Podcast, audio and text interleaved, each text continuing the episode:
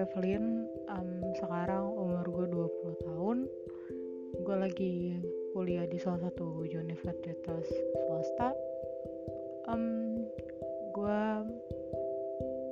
uh, mungkin akan sedikit banyak ngomongin tentang how to respect your body how to improve your self love and how to build good relationship with your friends with your um, family or anything else i try to give my best experience to you guys. So hope you enjoy it. See